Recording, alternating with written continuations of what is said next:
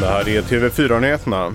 Antalet fall av covid-19 ökar explosionsartat i Europa. Förra veckan rapporterades det in närmare 900 000 nya fall i Frankrike och i Italien låg siffran på 600 000 nya fall.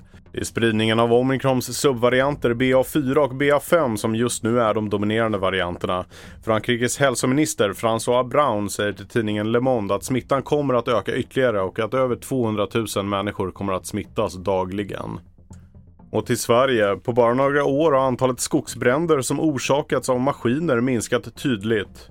Efter de stora skogsbränderna 2014 och 2018 ändrade skogsbranschen sitt sätt att jobba vilket nu gett resultat.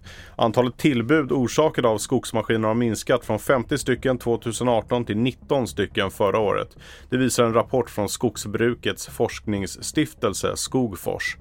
Fortfarande orsakas överlägset flest skogsbränder av folk som eldar i skogen och saker som blixtnedslag.